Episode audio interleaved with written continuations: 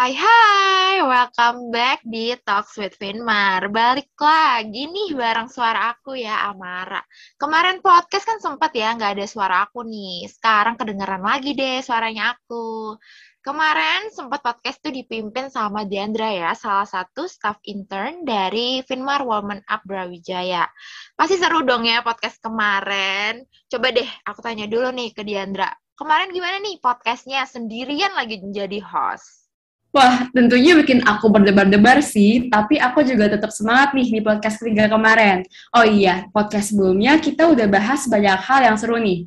Podcast pertama, kedua, dan keempat kita udah bahas uh, mengenai bisnis bareng narasumber yang keren banget. Dan podcast ketiga, kita juga seru-seruan gibah ya seputar finance and marketing di Woman Up Brawijaya.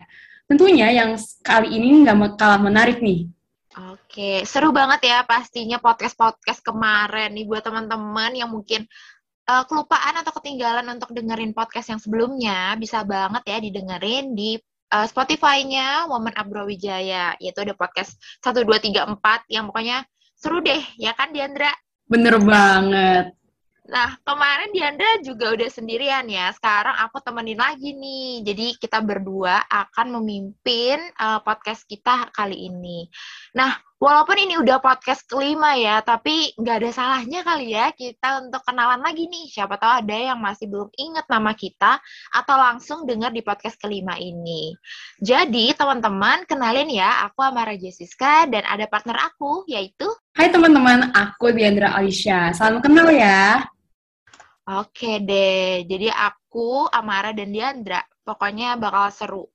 Bakalan ngobrol seru deh pokoknya. Nah, hari ini kita bakal ngobrol seru tentang apa sih Diandra? Nah, hari ini kita mau bahas hal yang asik banget dan tentunya bermanfaat nih bagi teman-teman yang kepo banget mengenai seputar cara mengatur keuangan dalam berbisnis. Duh, dari judul dan temanya aja udah keren banget ya. Nih, seperti yang kita tahu ya, kalau misalnya manajemen keuangan adalah salah satu yang penting banget nih dari keberlangsungan suatu bisnis. Aku jadi nggak sabar banget nih mau ngobrol sama narasumber kita hari ini. Bener banget tuh, langsung aja kali ya kita sambut pemateri kita hari ini. Halo! Halo Kak Amara dan Diandra, kenalin nama aku uh, Pradipa Sekar, bisa panggil aku aja Sekar, aku asal Jakarta, tapi sekarang kuliahnya aku nanti Februari nanti jalan semester 2 di Fakultas Kedokteran Hewan Universitas Gajah Mada. Salam oh. kenal. Oke, okay, salam kenal Sekar. Selamat datang nih di podcastnya Talks with Finma. Terima kasih banyak loh sudah bersedia. Eh, terima kasih banyak loh TBL ya. Kalau yang sebelumnya tuh TBL takut banget loh. Ini terima kasih banyak loh sudah bersedia jadi narasumber kita hari ini. Salam kenal juga sama aku dan Diandra. Oh ya, Sekar, aku langsung nanya nggak apa-apa kali ya. Aku penasaran banget nih soalnya. Okay. Iya, nggak apa-apa. Aku mau nanya nih, nama dan produk apa sih yang dijualin sama Sekar nih? Mungkin bisa cerita sedikit ya, awal mula uh, melakukan bisnisnya itu. Eh, namanya itu nama bisnis yang aku sama. Sebenarnya ini bisnisnya aku dan mamaku yang jalanin. Tapi mainly mamaku yang pegang kendali namanya tuh dapur Ganes dan ini tuh kita uh, mainly fokusnya itu di baking uh, ogura cake. Nah awalnya tuh dari awal dari mau buat cake kan mama sering apa ya sering suka untuk bikin cake terus juga karena uh, pandemi terus habis itu agak bosan pas awal-awal pandemi tepatnya dua tahun yang lalu pas awal-awal muncul covid tuh uh, mama tuh bosen terus mikir kalau di rumah aja tuh kayaknya kurang produktif gitu. Jadi uh, mamaku mau nyoba buat bisnis cake ini. Misal uh, di dapur Ganes ini antara lain tuh ada Ogura Japanese cake terus juga ada banana cake Swedish cake terus juga untuk kue-kue acara lebaran atau Christmas atau uh, acara lainnya. Terus juga biasanya tuh mama melalui media sosial, misalnya Facebook, terus Instagram dengan namanya ya nama Dapur Ganes. Wah, keren banget sih dari cerita Sekar dalam membuka bisnisnya. Yang pasti ada pengorbanan yang diberikan ya. Salah satunya adalah modal atau uang. Nah, awal Sekar mulai buka bisnis nih yang sekarang lagi dijalanin. Memakan modal yang besar atau enggak sih? Uh, boleh nih mungkin uh, kasih tahu ke teman-teman pendengar. Sebenarnya dapur Ganes itu bukan bisnis dengan modal besar ya. Jadi karena kita masih uh, jualnya sesuai pesanan, maka kalau awal-awal mulai buka bisnis tuh aku masih pakai modal pribadi. Jadi uh, bukan menyediakan di etalase gitu loh, seperti bakery gitu. Oke, jadi uh, modalnya tuh termasuk nggak besar dan modalnya itu benar-benar dari dana pribadi aja atau gimana nih sekarang? Uh, iya, kayaknya kalau kalau misalkan untuk awal-awalnya tuh pakai dana pribadi, tapi karena sekarang kan udah mulai masuk orderan ya, jadi biasanya tuh modalnya diputar dari hasil orderan tersebut. Biasanya kalau mau order tuh mamaku selalu bikin kebijakan sama pelanggannya harus DP dulu minimal seperempat atau setengah harga orderannya dulu sih gitu. Di sini berarti udah kelihatan banget ya perjuangan Kadifa atau Kak Sekar buat ngemulai bisnis dan ngerancang keuangan bisnisnya dengan baik. Nah, kalau boleh tahu juga nih, biaya apa aja sih yang dikeluarkan selama menjalankan kegiatan bisnis kamu ini? Uh, biaya yang jelas tuh biaya bahan baku, terus juga biaya gasnya, biaya listrik yang dipakai, terus juga biaya pengiriman. Kalau misalnya dia mau kirim via Gojek atau Grab gitu kan. Terus juga biaya proses pembuatannya. Terus juga kita juga boleh lupa sama biaya effort yang kita berikan. Karena kita juga kan harus value ourselves ya. Jadi itu sih kayaknya. Oke, okay, ini uh, juga aku mau nanya nih. Uh, seperti yang kita ketahui ya, pandemi gini ya, apalagi dari dua tahun lalu tuh ya, suatu hal yang sebenarnya tidak terduga untuk semua orang, termasuk juga pelaku usaha. Nah, banyak kan ya di berita-berita gitu usaha yang benar-benar terguncang karena kaget atau ketidaksiapan mereka terhadap pandemi. Belum lagi misalnya biaya bahan baku yang semakin meningkat gitu ya. Nah, kalau dari Sekar sendiri selama ini ada menyediakan dana simpanan untuk kejadian yang tidak terduga atau atau enggak ya? Dan kejadian tidak terduga apa sih yang pernah dialami sama Sekar dalam menjalankan bisnis? Kalau misalkan dana simpanan itu pastinya ada ya. Kalau mamaku tuh selalu nyediain dana simpanan buat kejadian yang nggak terduga. Misalkan uh, kalau misalnya dalam pembuatan cake nih, tiba-tiba listriknya mati, jadinya ovennya mati, jadinya uh, cake-nya nggak mengembang. Itu kan merupakan hal yang tidak terduga ya. Jadinya kan kita harus uh, bikin cake itu ulang dari awal, jadi mesti beli modalnya lagi dan segala macam gitu. Bisa kita lihat ya dari sini dan dari pengalaman Sekar kalau misalkan uh, ada apa-apa nih, berarti kita juga harus uh, prepare ya uh, untuk kejadian yang nggak terduga ini. Nah, kan ini udah ngomongin biaya-biaya nih ya. Nah, aku mau nanya juga nih, gimana sih caranya dalam menentukan harga jual produk di bisnis kamu Dapur Ganes ini? Uh, kalau misalnya cara nentuin harga jual produk tuh sebenarnya sederhana aja ya. Seperti yang tadi aku udah uh, sebutin, misalnya biaya bahan baku, itu yang pertama. Terus juga ditambah sama keuntungan yang diinginkan. Jadi misalkan kita udah tahu nih modal kita berapa. Setelah dihitung-hitung modal kita misalkan, ini aku pakai permisalan aja ya, misalkan 50 ribu. Nah nanti dari harga 50 ribu itu uh, kita tambahin sama keuntungan yang kita inginkan gitu yang di mana tadi bahan baku itu kan tadi ada biaya gas, biaya listrik, terus biaya proses pembuatan, biaya effort juga gitu. Oke, jadi uh, harga jual tersebut itu dari biaya yang dikeluarkan sama keuntungan yang ingin kita capai gitu ya. Nah, ya. keuntungan yang diperoleh nih sebenarnya termasuk besar apa tipis sih kalau misalnya yang di bisnis yang dijalankan Sekar. Nah, dan apa aja sih keuntungan lain ya selain dari ekonomi atau finansial? Karena kan pasti kita menjalankan bisnis harus untung ya kan? Uh, kalau misalkan untuk sekarang sih ya, karena kami baru, uh, jadi prinsipnya tuh kita kepuasan pelanggan yang paling utama. Jadi kita masih belum terlalu besar untuk ambil untungnya karena kami sendiri juga masih baru mulai bisnis ini nih. Jadi kita masih berusaha buat ningkatin jumlah customernya. Kalau untungan lain selain dari ekonomi, ya pastinya ada lah ya. Mungkin kayak uh, kepuasan kita kalau misalnya dapat orderan lagi, terus juga lama kelamaan uh, orderan kita banyak atau misalnya di-appreciate sama pelanggan-pelanggan kita, itu kan juga merupakan suatu apa ya kebanggaan dan keuntungan gitu. Aku setuju sih sama apa yang dikatakan sama Sekar. Itu keren banget berarti ya manajemen dalam memperoleh keuntungan uh, serta menghindari, menghindari kerugiannya. Nah, dari sini gimana sih caranya uh, dari keuntungan yang didapat ini muter untuk kegiatan bisnis yang kamu jalanin dan apa ada besaran berapa persennya gitu gak kayak uh, pembagian gitu misalkan uh, berapa persen untuk tabungan atau berapa persen untuk modal lagi uh, kalau misal yang jelas sih sebenarnya kalau dalam berbisnis setiap hasil yang didapat itu harus dipisah antara modal sama profit terus juga plusnya buat saving kita jadi misalkan uh, uh, diumpamakan apa ya kita dapat perolehan 100 ribu nih. Nah, kita tahu uh, modalnya itu 50 ribu. Berarti 50 ribu itu kan keuntungan kita. Nah, keuntungan kita itu harus diambil lagi untuk modal kita bikin kue selanjutnya, orderan selanjutnya. Nah, nanti biasanya uh, nanti modalnya berapa, terus juga untuk saving misalnya 10 ribu, terus untuk uh, dana simpanan yang tadi misalnya sepuluh ribu terus tiga puluh ribunya untuk uh, keperluan dan segala macam.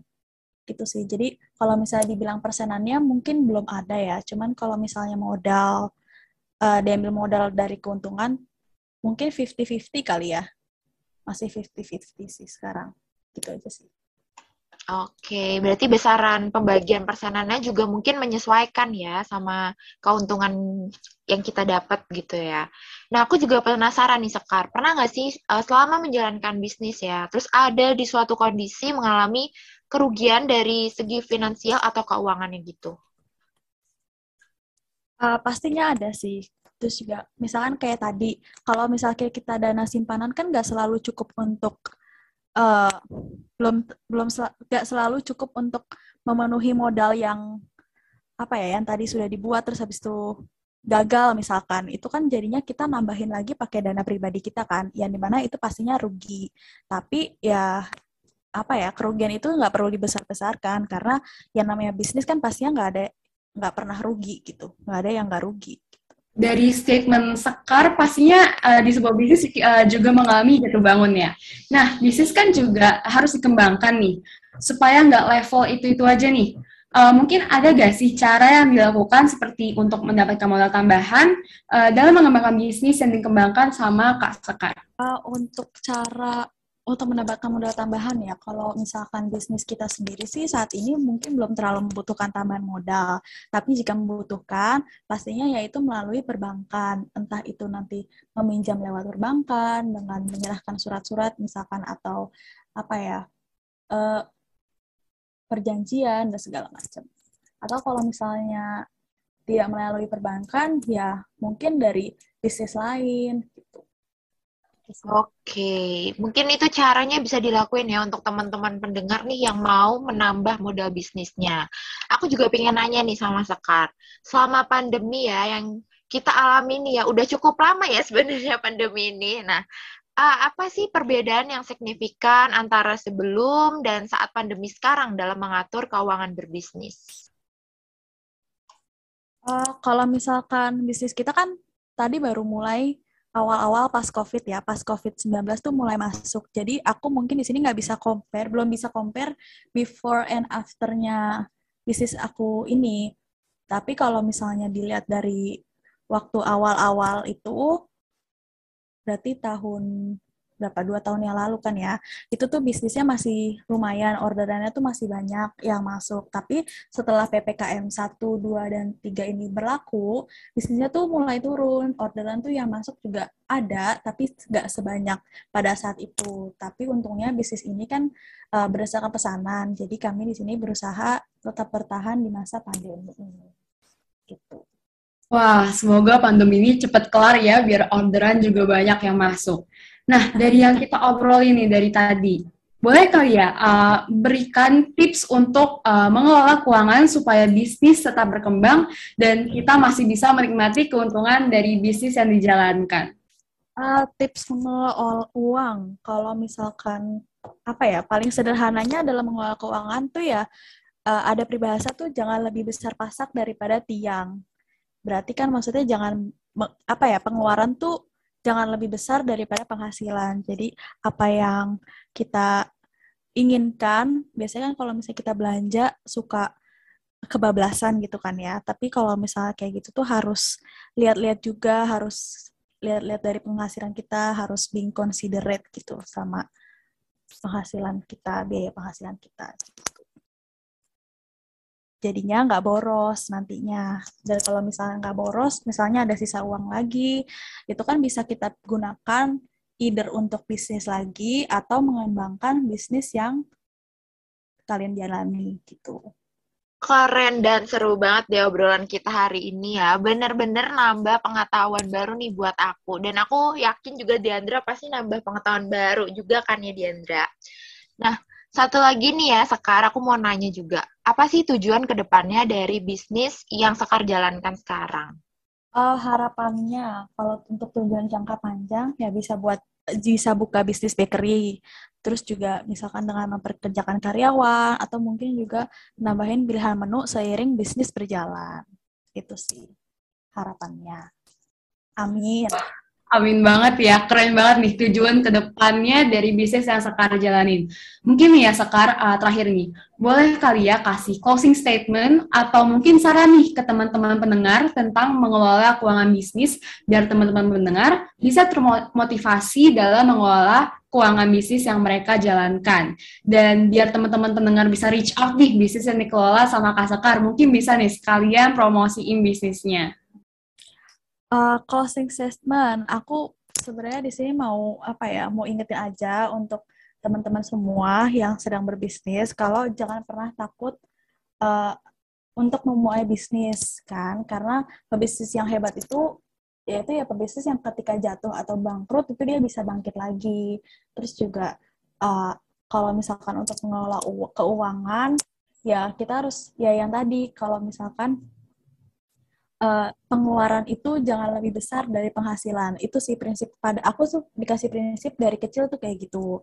Jadi untuk kita dapat lebih apa ya, appreciate penghasilan kita, appreciate uang kita lebih baik dan jadi kita memanajemen keuangan itu jadi lebih baik dan jangan lupa juga kalau misalkan ini buat motivasi teman-teman aja uh, 90% penduduk dunia itu yang sukses merupakan businessman and or businesswoman dan 10 sisanya persen sisanya itu merupakan employee atau karyawan. Jadi menurut aku apa pun jurusan atau fakultas yang sekarang kita pilih ataupun ranah pekerjaan yang nantinya kita akan pilih untuk dihidupi, uh, bisnis itu sifatnya universal. Jadi siapa pun bisa jadi businessman or businesswoman.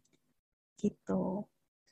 Oh ya, sama uh, sekalian deh promosi dikit uh, di IG kalau misalkan mau untuk khususnya untuk teman-teman yang ada di Jakarta, mau kalau mau order cake misalnya lagi jenuh pengen yang manis-manis tuh bisa aja order di @dapurganes atau kalau mau lihat segala proses pembuatannya dan lain-lain bisa @lia suharman. Gitu Oke deh, keren banget ya asli. Aku tuh benar-benar jadi tahu gimana caranya aku untuk mengelola keuangan bisnis yang mungkin aku bisa aku terapin nih nanti ke bisnis aku. Dan dan teman-teman juga ya jangan lupa nih untuk siapa tahu yang mau beli cake atau mau makan yang manis-manis nih, khususnya di daerah Jakarta ya, mungkin bisa banget nih dilihat-lihat dulu di uh, sosial medianya bisnisnya Sekar. Oke. Okay dari yang tadi Sekar omongin juga aku jadi nambah pengetahuan baru nih dan tentunya teman-teman juga nambah ya pengetahuannya buat mengelola keuangan bisnis dengan baik dan bisnisnya bisa berkembang dengan baik. Jadi aku sama Kak Amara mau ngucapin makasih banyak nih Sekar udah bersedia menjadi narasumber di Talks with Finmar kali ini. Thank you ya Sekar udah mau berbagi nih pengetahuan dan pengalaman Thank you juga, seru. Kakak dan Diandra. Oke, mengelola seputar penga uh, mengelola keuangan nih. Jadi uh, tambah apa ya pengetahuan baru juga buat aku, buat Diandra, apalagi buat teman-teman yang dengerin podcast kita kali ini. Jangan kapok ya mampir lagi di Talk with Finmar kapan-kapan gitu ya. Mungkin juga bisnisnya jadi semakin besar. Aku doain juga kita teman-teman semua doain ya supaya misalnya bisnisnya dari Sekar bisa semakin besar, terus bisa mampir lagi deh di Talks with Finmar kapan-kapan gitu ya. Amin, amin. Amin. Aku juga mau ucapin makasih nih ke teman-teman pendengar dari Talks with Finmar yang masih setia ngedengerin podcast Finmar sampai sekarang. Jangan lupa didengerin terus ya podcast dari Finmar.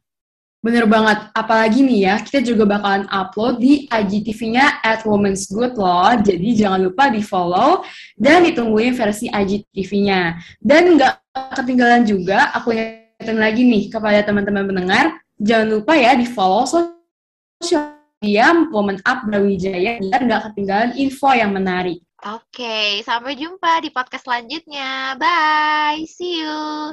Tungguin ya podcast selanjutnya. Thank you.